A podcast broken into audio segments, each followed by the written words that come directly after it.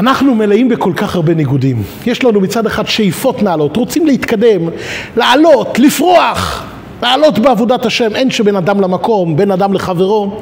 מצד שני אנחנו חווים בפועל לפעמים אכזבות כאלה קשות. אנחנו לפעמים רוצים להתעלות ומתרסקים על קרקע המציאות. אני רוצה לעסוק היום, יהודים יקרים, בשאלה מי אנחנו באמת. מהי, מהי המהות האמיתית שלנו? המהות שלנו זה האכזבות הקשות שאנחנו סופגים בפועל, או הציפיות הגדולות שלנו מעצמנו? אני אתן דוגמה. לפני, שבוע שעבר זה היה, בתחילת שבוע שעבר, ניגש אליי יהודי, חלקכם אפילו מכירים אותו. ניגש אליי ואמר לי, קיבלתי החלטה קיבלתי החלטה שאני פשוט מחייב את עצמי. שלוש פעמים ביום לבוא להתפלל שחרית, מנחה וערבית, עד היום זלזלתי בזה, הייתי מתפלל לפעמים פעם ביום, פעמיים ביום, מהיום קיבלתי החלטה שלוש פעמים ביום בבית הכנסת. התמדתי בזה בדיוק יומיים. אחרי יומיים נפלתי לבור כל כך עמוק, ככה הוא אומר לי. והוא שואל אותי, אז אולי אני אפסיק להתפנטז. אני חושב, אולי נעלה, נתקדם, אולי פשוט להפסיק לדמיין. למה לי, למה לי להתפנט, לפנטז ולפנטז אחרים, שאני, אני באמת המהות שלי, אני שפל וירוד וגמרנו. רבותיי, לכל אחד מאיתנו יש את הדילמה הזאת. גם אם לא נפלנו לבור כל כך עמוק, אבל לכל אחד מאיתנו יש את הדילמה הזאת, מי אנחנו?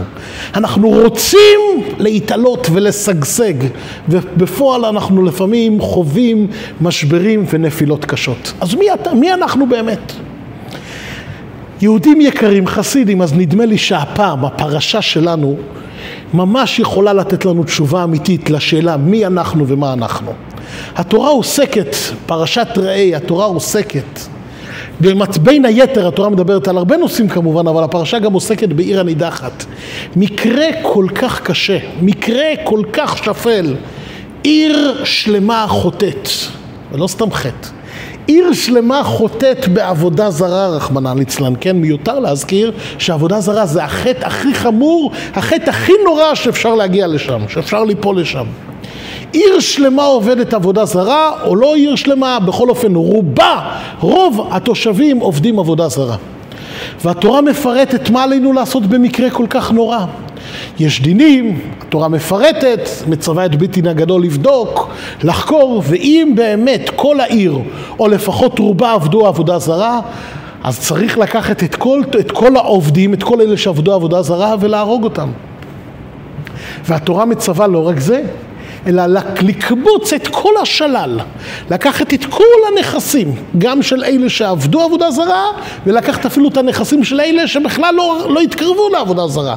את כל הנכסים לשרוף באש. ככה התורה מפרטת לנו. בא על זה בגמרא במסכת סנהדרין ואומרת דבר מעניין, יהודים יקרים. בא על זה הגמרא במסכת סנהדרין ואומרת ככה. בש... מתי דנים, מתי באמת עושים את כל הדין של עיר הנידחת, מתי הורגים את העובדים ושורפים את כל השלל, אומרת הגמרא ככה, רק אם אתה יכול, אם באפשרותך, לשרוף את כל השלל של העיר. אם יש באפשרותך לשרוף את כל הנכסים, הכל, בכל מכל כל, את כל הנכסים. אבל אם יש פריט אחד שלא הצלחת לקבץ, אם יש פריט אחד שאתה לא מצליח לשרוף, אין, לא מקיימים פה את דין עיר הנידחת. עוד הפעם רבותיי, הגמרא במסכת סנהדרין לומדת מהפסוק ואת כל שללה תקבוץ. ואת כל שללה, הגמרא לומדת פה שיש פה מהמילה כל, שאת דיר, דין עיר הנידחת אתה מקיים. אתה עושה את כל הסדר שהתורה אומרת, רק אם אתה מצליח לקבץ את מה? רק אם אתה מצליח לקבץ את כל השלל. אבל שוב, אפילו פריט אחד, אפילו דבר קטן, אפילו עט. לא הצלחת לקבץ ולשרוף, לא דנים דין עיר הנידחת, לא עושים את כל מה שכתוב פה. ממשיכה הגמרא ואומרת, תשימו לב חסידים. יהודים יקרים, אז תשימו לב מה ממשיכה הגמרא ואומרת. אם ככה יוצא, שבעצם אף פעם לא נדון את דין עיר הנידחת. אה? כן, כן, ראובן, אתה צודק, אבל אתה צודק. ראובן אומר שנכון, מעולם, הגמרא אומרת שמעולם לא, לא קרה, מעולם לא היה כזה דבר, מעולם לא הייתה סיטואציה כזאת של עיר שלמה שעבדה עבודה זרה. נכון, אבל הגמרא פה אומרת יותר מכך. תשים לב ראובן החסיד, לא רק שלא היה מעולם סיטואציה שעיר שלמה עבדה עבודה זרה, אלא אומרת הגמרא שגם לא יכולים, לעולם אתה לא יכול לקיים את זה. לא רק שלא היה בפועל, אי אפשר להגיע לסיטואציה כזאת של עיר הנידחת. למה? שוב, בשביל שנדון ונקיים את המצווה שאומרת לנו התורה, מה עושים בכזאת סיטואציה נוראה? בשביל לקיים את הדינים צריך לקבוץ את כל השלל, את כל הנכסים ולשרוף את הכל. אבל אני באמת הרי כמובן לא יכול לשרוף את הכל. למה אני לא יכול לשרוף את הכל? אומרת הגמרא, רגע, ומה תעשה עם המזוזות שנמצאים בעיר? מה תעשה עם המזוזות שנמצאים על פתח הדלת, על פתח הבית? איך תשרוף את המזוזות? מותר לשרוף מזוזה.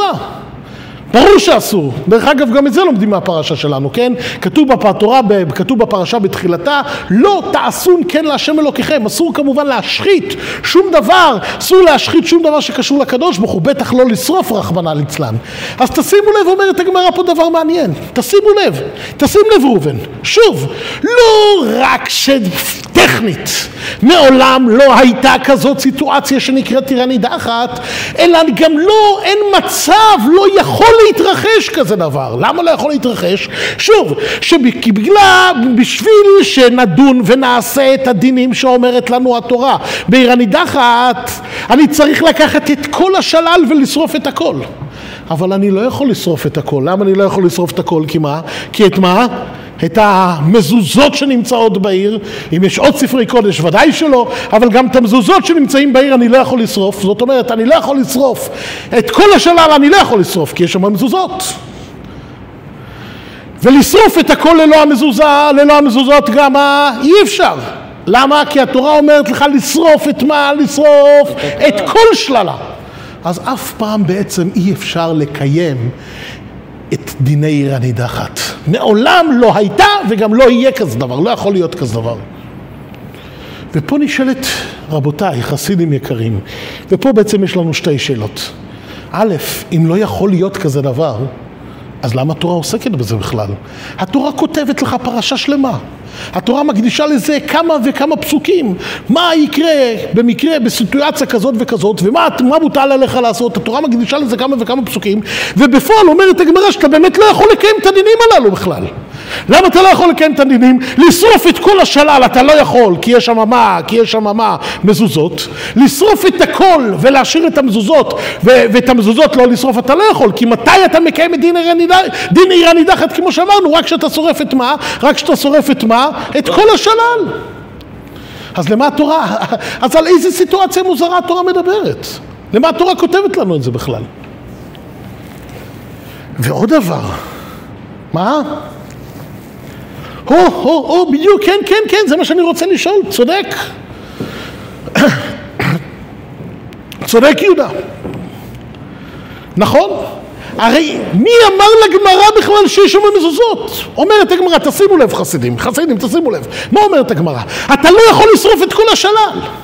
אין מצב אין אפשרות שתשרוף את כל השלל. למה אתה לא יכול לשרוף את כל השלל?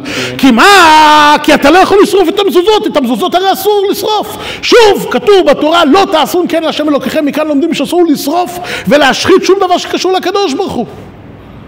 אני לא יכול לשרוף את הזאת. אבל אולי באמת אין שם מזוזות.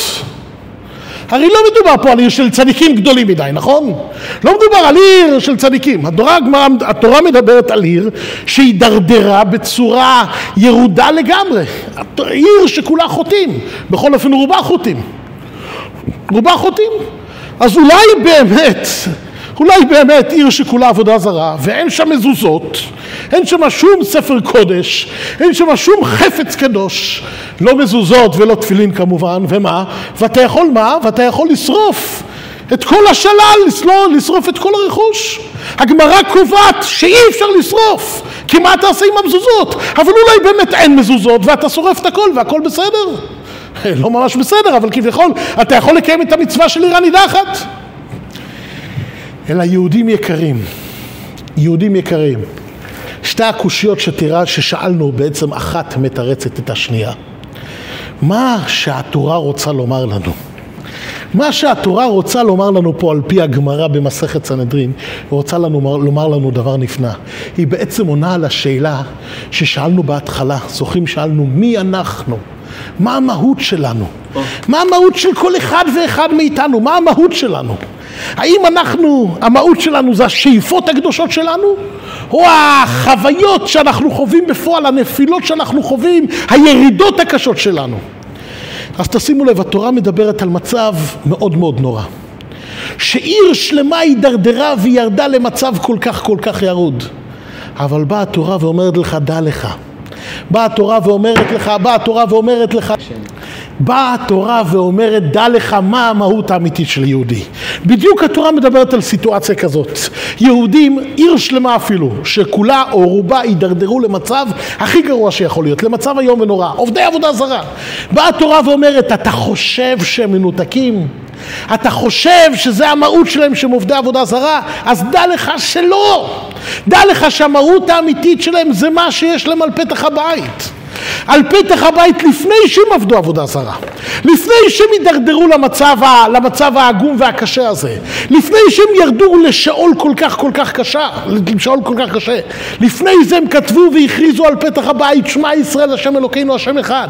המהות האמיתית של יהודי רבותיי, המהות האמיתית של יהודי זה הנפש האלוקית שבו. המהות האמיתית של יהודי זה שהוא דבוק וקשור בקדוש ברוך הוא ואת זה אי אפשר לנתק ממנו. נכון שהוא נפל, נכון שהוא נפל בצורה קשה מאוד, נכון שהוא עשה את העוון הכי הכי גדול, הוא עבד עבודה זרה, אבל זה, זה משהו ש... זה משהו ש... את זה, זה, זה, זה לא המהות האמיתית שלו, זה משהו שאנחנו יכולים למחוק, זה משהו שאנחנו יכולים להפריד אותו, המהות האמיתית שלו זה שהוא קשור בקדוש ברוך הוא. אתם יודעים חסידים, היה לי דוד, היה עסקן גדול, היה שליח גדול של הרבי, קראו לו הרב ברקה וולף. בין היתר הוא היה, לפני פסח הוא היה מגיע לכנסת ומחלק שם מצות לשרים, לחברי הכנסת, לכל העובדים. יום אחד הוא מגיע לכנסת ובדיוק שולמית אלוני, עליה השלום, מי שזוכר אותה, כן, היא לא הייתה מה... היא לא ייצגה את המפלגות הדתיות בכנסת. הוא הגיע בדיוק לכנסת לחלק מצות והיא הייתה באיזה נאום נגד הדת, נגד, אה, נגד דתיים, וכדרכה היא נעמה שם בשצף, קצף, נעמה ככה, ב, לא נעים לומר, עם הרבה הרבה הרס נגד, נגד היהדות. כשהיא סיימה, היא יורדת מהפודיום, מסתובבת במסדרונות והיא רואה את דוד שלי ברקה. היא צועקת לו, ברקה, אני צריכה מצות, תביא לי מצות, עוד מעט פסח, הנכדים שלי יבואו לליל הסדר, אני צריכה מצות בשבילם. אז הוא שואל את הגברת אלוני, איך זה מסתדר עם כל מה שדיברת עד עכשיו? זה לא... הבקשה שלך למצות לא ממש תואמת את מה שנאמת מקודם לפני כמה דקות. היא אומרת לו, ברקה תעזוב, זה פוליטיקה. כשאני יושב ראש מרץ, אני צריכה לנאום לפעמים דברים לא כל כך נעימים וצריכה לפעמים לנאום נגד היהדות, אבל זה פוליטיקה. אבל מצות אני צריכה. יהודים יקרים, זה בדיוק מה שהתורה אומרת לנו. התורה מדברת פה על מצב, פה התורה מדברת על מצב של עיר הנידחת. אתה רואה יהודים שירדו למקום כל כך נמוך. אומרת לך התורה, אל תתבלבל יהודי, אל תתבלבל. נכון, נדבק בהם הרבה לכלוך, עברו על דברים נוראים ביותר, אבל אל תתבלבל, תפריד בין, ה, בין המהות לבין מה שנדבק בו. תפריד בין הדבר האמיתי לבין, לבין הדמה. היה אחד השלוחים של הרבי הקודם, אחד השלוחים של הרבי הקודם, קראו לו הרב שמואל לויטין. היה מסתובב בשליחות הרבי הקודם מכפר לכפר, ממקום למקום, ומחזק ומעודד יהודים, מחזק אותם במצוות, בתורה, מחזק אותם באהבת ישראל. יום אחד פגש אותו יהודי. שאל אותו, רב שמואל, אתה יכול להסביר לי מה הביזנס שלך? מה אתה עוסק? אתה מסתובב ממקום למקום, מה אתה עוסק? אומר לו רב שמואל, אני סופר. רב שמואל, אתה סופר? איפה הקולמוס? איפה הקלף? מה פירוש שאתה סופר? בשביל להיות סופר צריך לשבת במקום אחד, לא להסתובב מכפר, מכפר לכפר. בשביל להיות סופר אתה צריך לשבת, שיהיה לך קולמוס וקלף, לכתוב ספר תורה, תפילין או מזוזות. אני לא רואה שאתה סופר. אומר לו, נכון, אני אבל סופר מסוג אחר. כמו שסופר, חלק מהתפקידים של סופר לא מספיק זה שהוא כתב את ספר התורה, אתם יודעים יהודים, לא מספיק לכתוב ספר תורה, גם צריך להגיע אותו, לוודא שלא חסרה בו שום אות. נכון? כי אם בספר תורה, בספר תורה יש מעל 300 אלף אותיות, אבל אם בספר התורה חסרה אות אחת, בוא נאמר שבפרשת נוח חסרה איזו אות מסוימת, אז אי אפשר לקרוא גם את פרשת ראה, גם את פרשת השבוע. יבוא איזה מישהו וישאל, רגע, מה הקשר? פרשת נוח חסרה אות, אנחנו עכשיו בכלל לא בחומש בראשית, אנחנו בחומש דברים. לא, לא, לא, אם חסרה אות בנוח, אי אפשר לקרוא גם את פרשת ראה, כי כל הספר זה מהות אחת. אומר לו רב שמואל, אותו יהודי, זה הביזנס שלי. כל יהודי, בעם ישראל יש הרבה הרבה הרבה יהודים, ברוך השם יש הרבה יהודים. כל יהודי הוא קדוש כמו אות. אבל אם חס ושלום יהודי אחד ייעלם לעם ישראל, אם חס ושלום יהודי אחד יתנתק, הבעיה היא לא רק שלו בלבד. הבעיה היא לא רק של המשפחה שלו, הבעיה היא של העם היהודי כולו, בדיוק כמו בספר התורה. אות אחת חסרה, הבעיה היא לא רק בפרשה הזאת, אלא בכל הספר. יהודי אחד חס וחלילה, אם הוא יתנתק, אם הוא יימחק מעם ישראל, לכל החסר הוא של העם היהודי כולו. ואני מאוד מאוד משתדל ששום יהודי, ששום אות לא תימחק חס ושלום. מהספר התורה, מהספר של עם ישראל, שום יהודי לא יחסר חס ושלום. ככה אומר רבי שמואל לאותו יהודי ששאל אותו. אחרי שרבי שמואל, אותו רבי שמואל לויטין, הגיע ופגש את הרבי הקודם של חב"ד, רבנו יוסף יצחק שנאוסון. הוא מספר לו, אותו רבי שמואל מספר את זה לרבי. שאל אותי יהודי, מה התפקיד שלך? וככה מספר רב שמואל את כל הדו-שיח ביניהם. אמרתי לו, כל יהודי הוא קדוש כמו אות, ואני מאוד משתדל ששום יהודי, ששום אות, לא תחסר לעם ישראל חס ושלום. הרבי רבינו יוסף יצחק שהיה כל כולו אש להבה של אהבת ישראל מאוד מאוד נשמע, מאוד נהנה לשמוע את התשובה של רבי שמואל לאותו יהודי. חיוך גדול עלה על שפתיו הקדושים, אבל הוא לפתע נהיה רציני ואומר לו רב שמואל אתה צודק, כל יהודי הוא כמו אות, כל יהודי הוא קדוש כמו אות ואף הרבה יותר מכך, אבל לא כמו אות בספר התורה. אלא כמו אות בלוחות הברית. הוא מסביר לו, בספר התורה האות כתובה בדיו על גבי קלף. לוקחים דיו וכותבים עם הדיוט, עוד כותבים על הקלף. בלוחות הברית לא כותבים בדיו על הלוח, חוקקים בתוך הלוח וכך נוצרת האות. האות שכתובה בספר התורה עם הזמן יכולה קצת אפשר קצת פתאום היא מטשטשת והיא יכולה אפילו להימחק לגמרי. אבל אות חקוקה, אות שחקוקה בלוח חסידים, נכון? אין מצב, היא לא יכולה להימחק. אין מצב שהאות נמחקת לגמרי, ממש לא. כי האות היא חלק בלתי נפרד מהלוח. יכול להיות שהאות מתכסה בלכלוך, בזוהמה, זה יכול להיות. אבל גם אם, מלוכלה, גם אם האות מכוסה בלכלוך, בלכלוך, ובלכלוך, אפילו אם היא מכוסה בלכלוך גס, אבל האות קיימת, היא רק מכוסה, אבל האות קיימת. זה בדיוק יהודי. גם אם אתה רואה אותו מלא בלכלוך, הוא לא מחוק חס ושלום. האות קיימת. היהודי, הקשר בינו לבין הקדוש ברוך הוא קיים במאוד מאוד. לפעמים אנחנו צריכים להוריד את הלכלוך, להסיר את הלכלוך, לנקות את האות, תסיר את האבק, תסיר את הלכלוך, ואז פתאום תראה איך האור, איך, איך האות תאיר ותזרח. זה בדיוק יהודי. יהודי לא יכול להתנתק מהקדוש ברוך הוא. והתורה בפרשה שלנו במיוחד מדברת על מצב הכי ירוד, על מצב הכי קשה. גם יהודי שעבד עבודה זרה, גם עיר שלמה שנפלה לתהום קשה מאוד מאוד. גם אם זאת הסיטואציה, אומרת התורה, תשים לב. נכון, אבל זה לכלוך שדבק בהם, זאת לא המהות. מהי המהות? המזוזה שעל פתח הבית. לגמרא ברור שיש מזוזה על פתח הבית, כי יהודי הוא אות חקוקה. יהודי זה לא אות כתובה, יהודי זה אות חקוקה. יהודי והקדוש ברוך הוא זה מהות אחת. חסידים יקרים, בואו דבר ראשון בוא נביט, כל אחד יביט על עצמו. כן, כן, כן, יצחק, תביט על עצמך. שמעון, תביט על עצמך. תזכור תמיד, יש את המהות האמיתית שלך, יש את המהות האמיתית שלך, ויש את הלכלוך שדבק בך. אל תתבלבל ביניהם. אל תתבלבל ביניהם, תפריד. גם אם אני נופל, זה לכלוך שדבק בי, לא זה המהות שלי. ובדיוק כך תביט על יהודי אחר. גם אם אתה רואה יהודי, גם אם אתה רואה יהודי שנדמה לך שנפל, נפל קשה מאוד.